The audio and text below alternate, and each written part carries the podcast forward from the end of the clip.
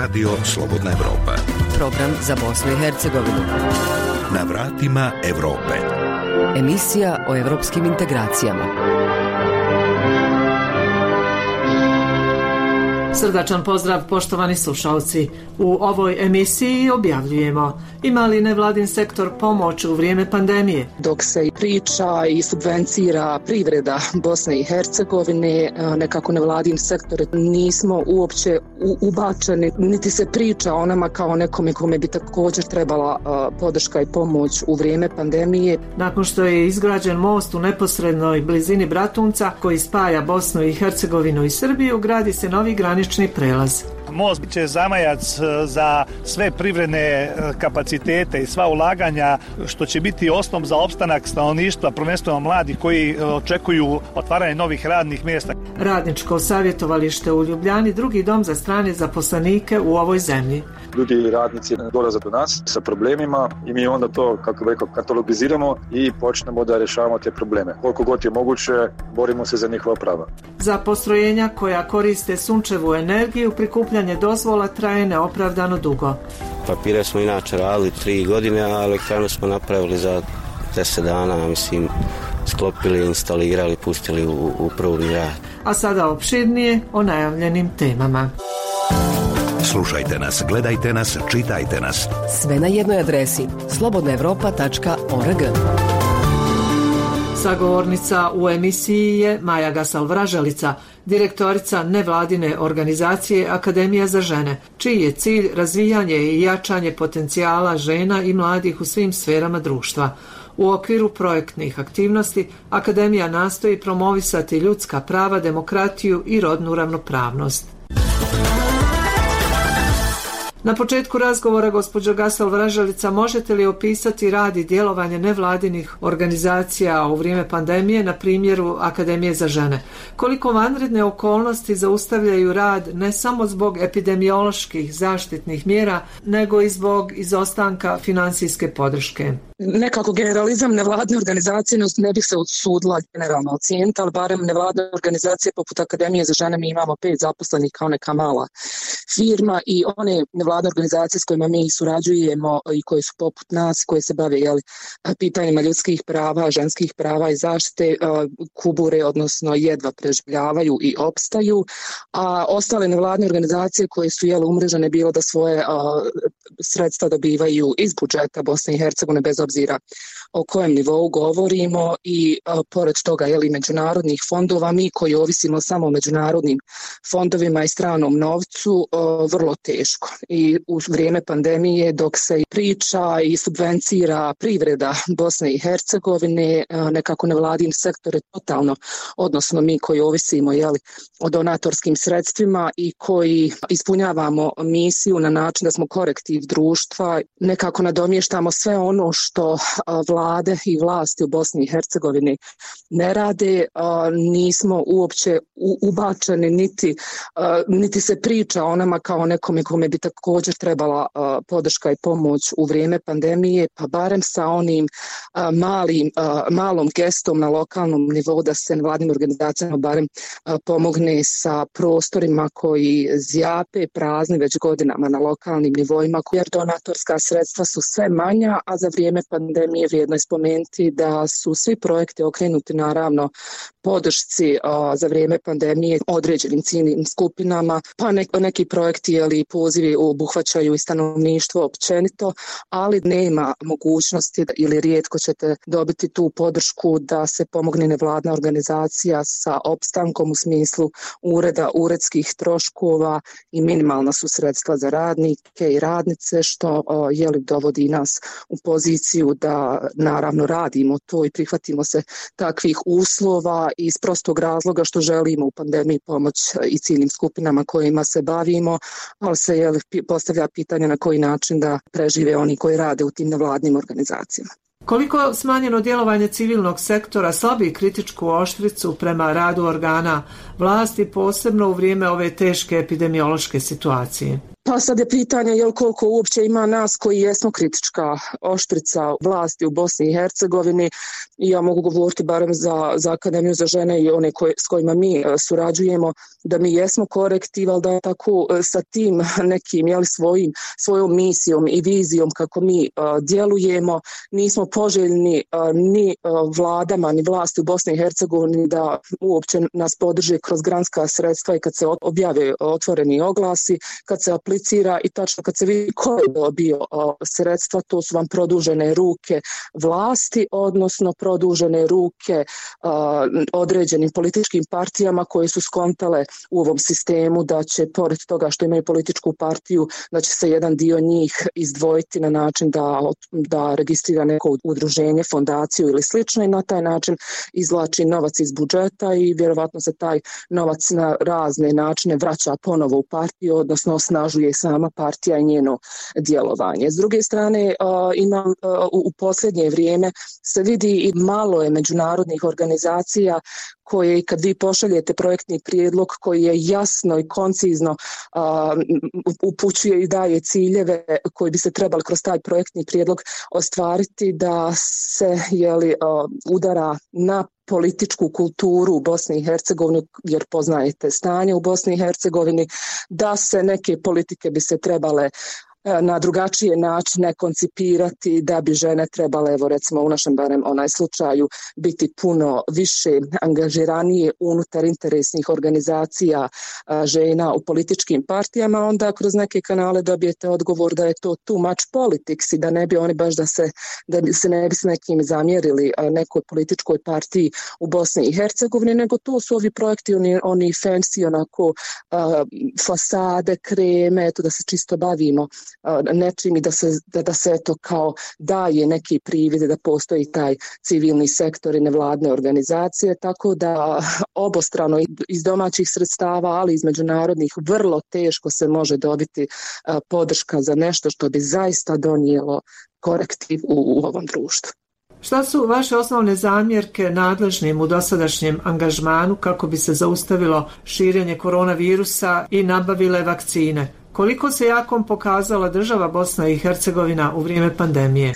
Pa znate, ja kako sam bila u parlamentarnoj skupštini Bosne i Hercegovine i svojim očima i vidjela i ušima čula, ovaj, ja, ja, dakle, Bosna i Hercegovina postoji jel, ge, geografski, ali, ali institucionalno Bosna i Hercegovina i taj državni nivo je toliko oslabljen i toliko je u stvari svrha postojanja da, da, da se zaposle i da kroz razne agencije i oba entiteta uposle svoje stranačke kadrove, a koliki je u stvari mogućnost djelovanja i da osnaživanja institucija Bosne i Hercegovine, to je minorno. Dakle, sve što se dešava u parlamentarnoj skupštini morate imati podršku zastupnika i zastupnica iz entiteta Republike Srpske kao i iz federacije iz različitih partija. To je toliko teško da sam ja recimo kao zastupnica kad se obratite nekom kantonu gdje vam apsolutno to ministarstvo ne dostavi nikakav odgovor koji vama treba za daljnje jeli, upute inicijativa i rada na amadmanima ili izmenama i dopunama zakona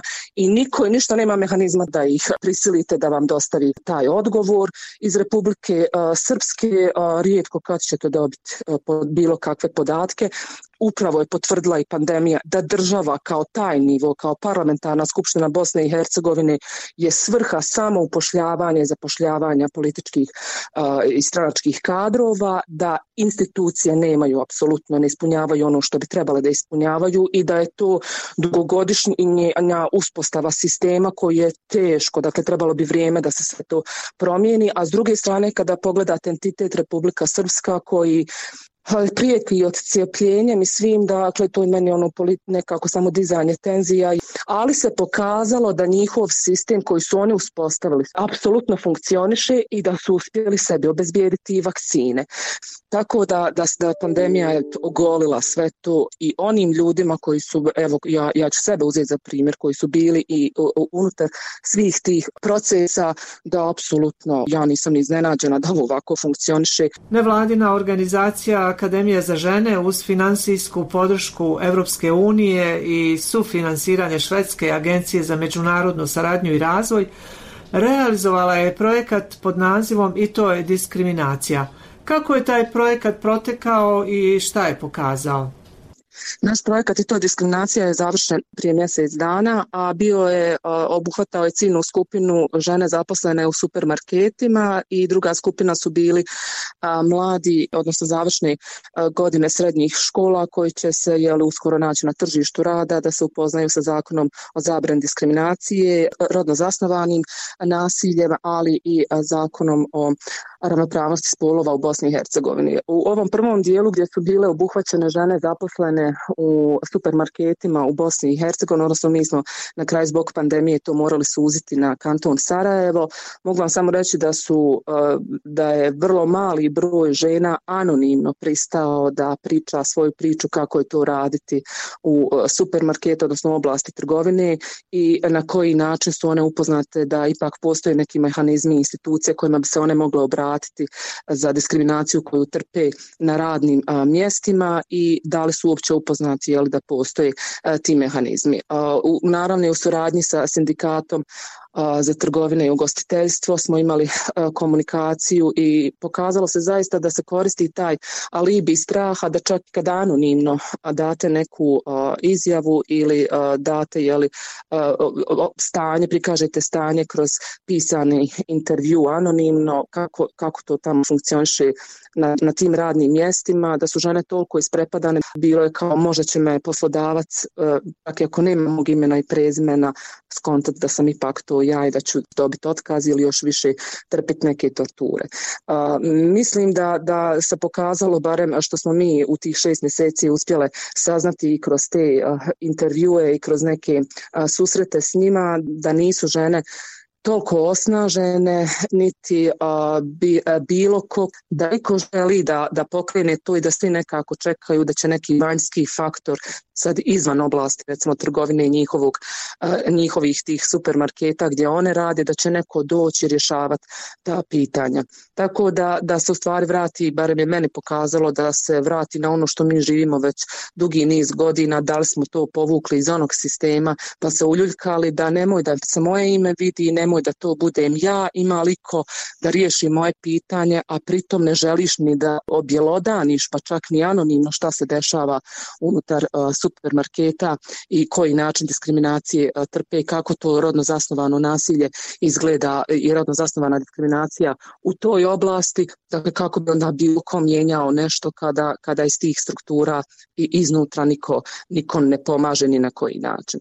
Tako da, da mi je nekako bio to, to jel, signal i odnosno konstatacija činjenica da tako evo djelujemo svih ovih godina, pa ni za običnu peticiju rijetko ko hoće da bude unutar prvih pet, jer kažu unutar prvih pet se ovaj zapamti taj neko ko čita i kome se obraćate ima, već tamo kad ste pri kraju liste dok dođe da vas više izgubi koncentraciju da pamti vaše ime i prezime. Govorila je Maja Gasal-Vražalica, direktorica Akademije za žene. Reforme za Europu. U neposrednoj blizini Bratunca prije šest godina izgrađen je most preko rijeke Drine koji spaja ovaj grad sa Ljubovijom u susjednoj Republici Srbiji. Na toj lokaciji gradi se carinski terminal i skoro svi radovi su u završnoj fazi. Novi granični prelaz imat će objekte za smještaj carinskih i policijskih službenika dvije zemlje, inspekcijske organe i sve ostale popratne sadržaje. Vrijednost projekta je 14 miliona konvertibilnih maraka, a financira Uprava za indirektno oporezivanje Bosne i Hercegovine. O tome opširnije Sadik Salimović.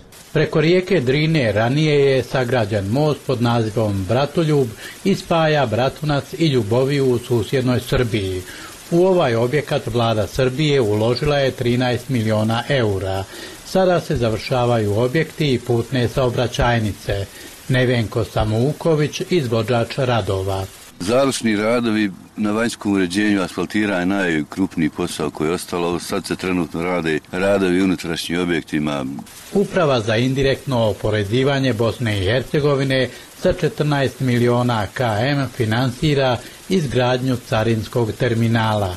Ratko Kovačević, PR uprave. Riječ je dakle o međunarodnom graničnom prelazu prve kategorije gdje će biti dozvoljen promet putnika i roba, zajednički granični prelaz. Dakle, u okviru ovog projekta bilo je predviđeno da e, Srbija uradi e, projektnu dokumentaciju i most, a da Bosna i Hercegovina uradi granični prelaz.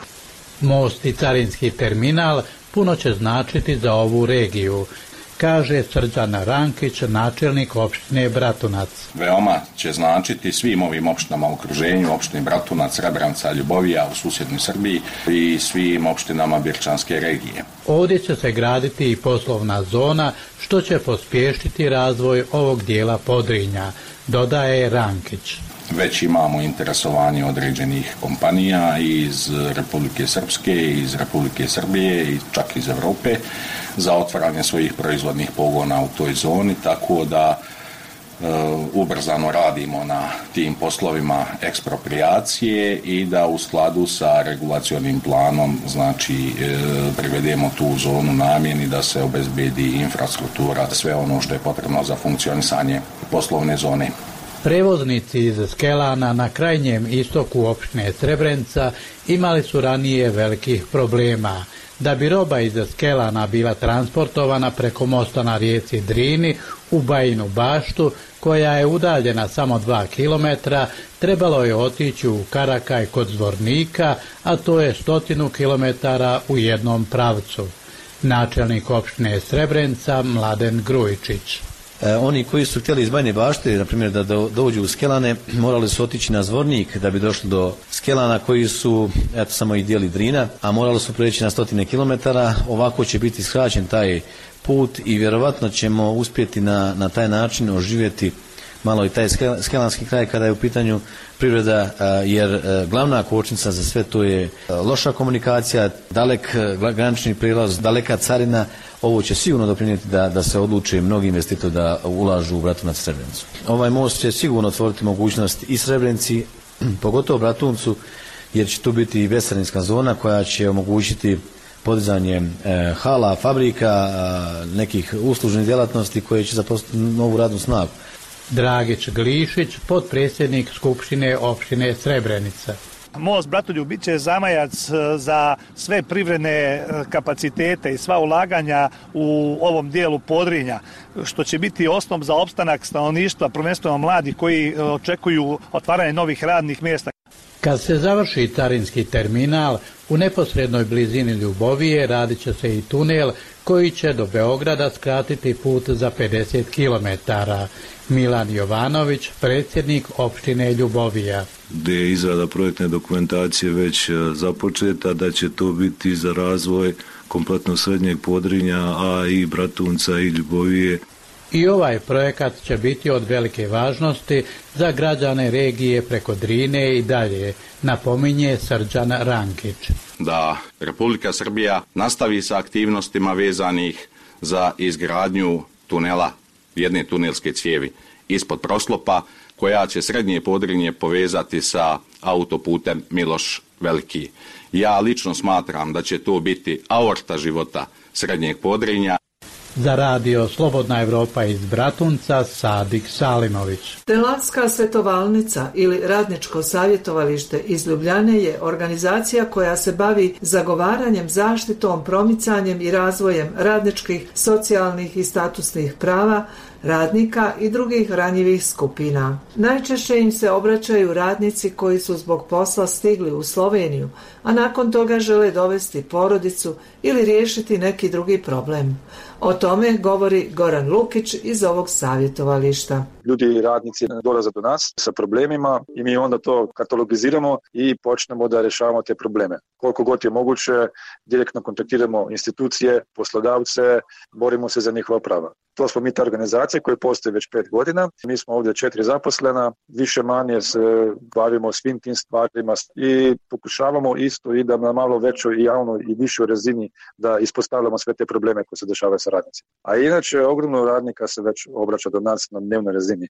Koliko je to, ja bih rekao da u prosjeku kad bi ubrojili i kontakte preko socijalnih medija, telefonske, vibere, mailove, fizične kontakte u prosjeku na dan do 100 kontakta na dan. Koji su najveći problemi zbog kojih vam se radnici javljaju? Problemi su u ovom trenutku da što se tiče osnovnih prava radnika, šta je opće regres, zašto ja to ne dobijem, zašto mi je takva plata. Mislim, u ogromnom slučajeva radi se o osnovnom neinformiranosti radnika i nažalost to je posljedica toga da je u ogromnom slučajeva ta rekrutacija radnika preko tih posrednika koji imaju konekcije sa poslodavcima i logično da ti poslodavci neće da u potpunosti informiraju radnike o njihovim pravima. Tako da mi dobijemo e, tako neinformiranog radnika kojeg iskorištava poslodavac i moramo da van iz te neinformiranosti izlušćimo sve te probleme. Jer od dosta navrata radnik dođe ovdje sa jednim problemom, a onda kad mi počnemo da to kopamo po tim problemima, ima ih još 5-6, a uopće nije radnik ni znao. Republika Slovenija je ušla u proces izmjene zakona o strancima prema kojem se pravo na spajanje porodice stiče nakon dvije godine, a ne nakon jedne kako je bilo do sada. Moramo da malo ovdje istorije uključimo. Prije šest godina bile su te prve promjene zakona o strancima oko spajanja porodice. Tada se u ime borbe protiv zloupotrebljavanja sistema socijalnog osiguranja, odnosno socijalnih transfera, kao navodno da su stranci već tada zloupotrebljavali taj sistem, da su dovodili žene. Već prije šest godina su to dali na jednu godinu to spajanje porodice. Prije toga nije bilo. A sada, u ime iste argumentacije, šest godina kasnije, očito da je opet kao ta zloupotreba dobar argument, oni su to produžili na dve godine. To znači da moraš da budeš dve godine u Sloveniji da ovdje imaš, e, odnosno doneseš familiju. To je maksimalna dužina koja uopće omogućava ta e, direktiva Europske unije na tom području. Kažem još jedan put, cijelo vrijeme poslušamo samo o zloupotrebljavanju socijalnih transfera sa strane stranca. A mi kada damo upit vladi gdje su te zloupotrebe, oni nam kažu pa da tamo ih ima nekolicina u onoj općini, pa čekaj ne možeš ti onda generalno kriminalizirati cijelu generaciju stranca zbog pojedinačnih slučajeva kao neke zloupotrebe socijalnih transfera. To je prva stvar. A druga stvar je ta da se sada još snažnije reguliraju e, iznosi na osnovu kojeg se može dokazivati da imaš dosta sredstva za udruživanje familije. Šta to konkretno znači? Da se izbacivaju iz tog iznosa, kako bi rekao, naknade iz troškova iz rada. To znači putni troškovi, malice, dnevnice, sve te stvari više neće se ubrati u dokazivanje e, sredstva za preživljavanje familije. Ako imaš ti kojeg e, vozača e, u Sloveniji, nažalost, do sa slučajeva veći deo plate baš taj dio. I šta će sada biti sa familijama kad jedan put radnik ima plaću pola od toga koje, koje je dobio. Jer pola se mu više ne ubraja u dokazivanje. Kad mi to skombiniramo, dve godine umjesto jedne godine i to da se sada veoma pritišće na dokazivanje sredstava, onda je dosta se skoro bi rekao, ajde da kažemo moguće da malo pretjeravanje ili ne, nemoguće da se uopće govori o udruživanju familije. Više manje se govori o razdruživanju familije onda. U kojem obliku su izmjene zakona, je li to nasrt ili prijedlog? Sada je to ne samo prijedlog, već je to već išlo preko dve faze čitanja u Narodnoj skupštini. To znači zadnja faza će biti sljedećeg tjedna i mislim da će biti kraj te rasprave negdje krajem sljedećeg tjedna. Velika je vjerovatno da će se te promjene koje sam govorio usvojiti krajem tjedna u parlamentu, ali to ne znači da će odmah početi da valjaju. To je veoma bitna napomena. Ide onda taj zakon, odnosno taj promjena zakona u taj službeni list i počne da valja taj zakon 15 dana nakon upisa u službeni list, a upotrebljavati se počne 30 dana nakon tog datuma. Govorio je Goran Lukić iz Delavske svetovalnice ili Radničkog savjetovališta Ljubljana. Zanima vas što se dešava u regiji? Radio, TV, video. Sve možete naći na slobodnaevropa.org. Ulaganja u proizvodnju struje pomoću sunčeve energije su isplativa, ali pribavljanje potrebnih dozvola traje veoma dugo. U opštini Dobo Istok vlasnici takvog postrojenja dozvolu su dobili poslije tri godine od podnošenja zahtjeva. Bez obzira na sve poteškoće, oni sada žele da prošire svoju solarnu elektranu. Poslušajte šta je zabilježio Arnes Grbešić. Blizu 90 solarnih panela na parceli od oko 200 kvadrata. Tako izgleda solarna elektrana instalirane snage od 20 kWh u naselju Velika Brijesnica u opštini Dobo Istok. Jedan od njenih vlasnika je Omer Konjić. Na godišnjem nivou e, izađe 27 MW sati, s tim da imamo ove toplije mjesece, ljeti bude više od ne, negdje od 120 e, do 130 kW, a ovim slabijim mjesecima bude i slabije naravno kada ima sunca. Ovo naše područje je interesantno zato što rađene su ta neka ispitivanja i ostupamo ova područja od oboja do Brčkog područja ove Trebavi, da ostupamo od Hercegovine po broju osunčanih dana 6% Za postavljanje solarne opreme jednoj sarajevskoj firmi bilo je potrebno desetak dana, a za pribavljanje potrebnih dozvola za rad solarne elektrane Omeru Konjiću su trebale čak tri godine. Mi smo na to krenuli u 2015. godine. Ovo je bilo interesantno zato što su ovo obnovljivi izvori energije bez zagađenja otpadnih voda, linova, krenuli smo u to. Procedura je bila malo teža oko papirologija, pošto je to nešto novo, Papire smo inače radili tri godine, a elektranu smo napravili za deset dana, mislim, sklopili, instalirali, pustili u, u probni rad. Puštena je u probni rad 2016, maj 2016. godine. Ugovor o poticajnoj cijeni smo potpisali tek 2019. godine. Od 2019. da dobijamo subvenciranu cijenu od 54, ukupno 54 feninga po, po. U izgradnju ovog postrojenja za proizvodnju struje prije pet godina uloženo je oko stotinu hiljada maraka. Solarna elektrana iste snage danas se može instalirati sa duplo manje novca. Mi kad smo je radili, investicija je bila nekih 95 hiljada maraka. S tim e, da je sad ove nove tehnologije, no, nova oprema, sad, sad o, se ta elektrana može napraviti za nekih 40 do 50 hiljada. Rok otplate investicije, naravno kad se potpiše ugovor o, o poticaju, rok otplate investicije nekih možda četiri godine. 4 do 5 godina rok otplate investicije, ono što si uložio da se vrati, a kad se potpisuje ugovor o poticajnoj cijeni u federaciji se potpisuje na 12 godina u RS-u, na 15 tim da u RS-u nešto manja ta poticajna cijena, tako da to otprilike izađe na isto. Otkupna cijena struje danas je također niža nego prije pet godina. Sad trenutno ko uđe u poticaj potpisuje na, na uh, manju cijenu, mislim 37 feningi. Zašto je to tako? Pa svake godine se smanjuje cijena uh, zbog vjerovatno popunjavanja kvota, zato što dosta, dosta ljudi ide u, u, ove, u ove projekte i po ovoj sad cijeni se isplati raditi ja planiram, planiram ako Bog da još jednu da postavimo ovdje. Radimo te papire. Znači smanjila se cijela ali smanjila se i visina ulaganja. Kod nas ovdje ima tri izgrađene koji rade koji su u, u, u pogonu. Ja radim papire i, i te sve stvari. Radim za jednog mladog momka koji je 97. godište vanije radi u Njemačkoj tamo. I momak hoće da, da to što zaradi hoće da uloži u, u obnovljive izvore energije, evo, brzo će biti ta njegova elektrana, ja mislim do kraja godine da ćemo i nju pustiti pogon. Trećinu sredstava uloženih u solarnu elektranu osigurali su nadležni u Tuzlanskom kantonu, odnosno vladi Federacije Bosne i Hercegovine. Ne bi je sigurno uradili da nismo dobili poticana gran sredstva od kantonalnog ministarstva prostornog uređenja i federalnog ministarstva. Kantonalnog smo dobili 19.800 i iz eh, federalnog smo dobili 8.700.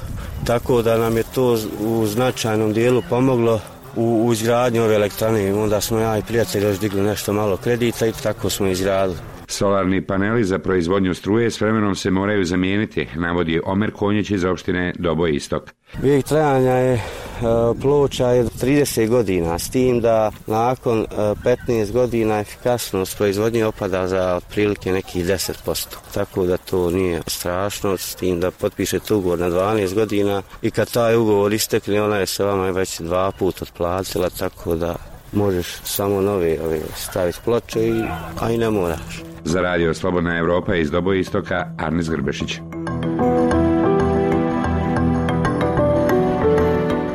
Toliko u ovoj emisiji, poštovani slušalci. Mnoštvo zanimljivih sadržaja potražite na web stranici slobodnaevropa.org kao i na društvenim mrežama. Iz Sarajeva vas pozdravljaju Zoran Mijatović i Gordana Sandić Hadži Hasanović.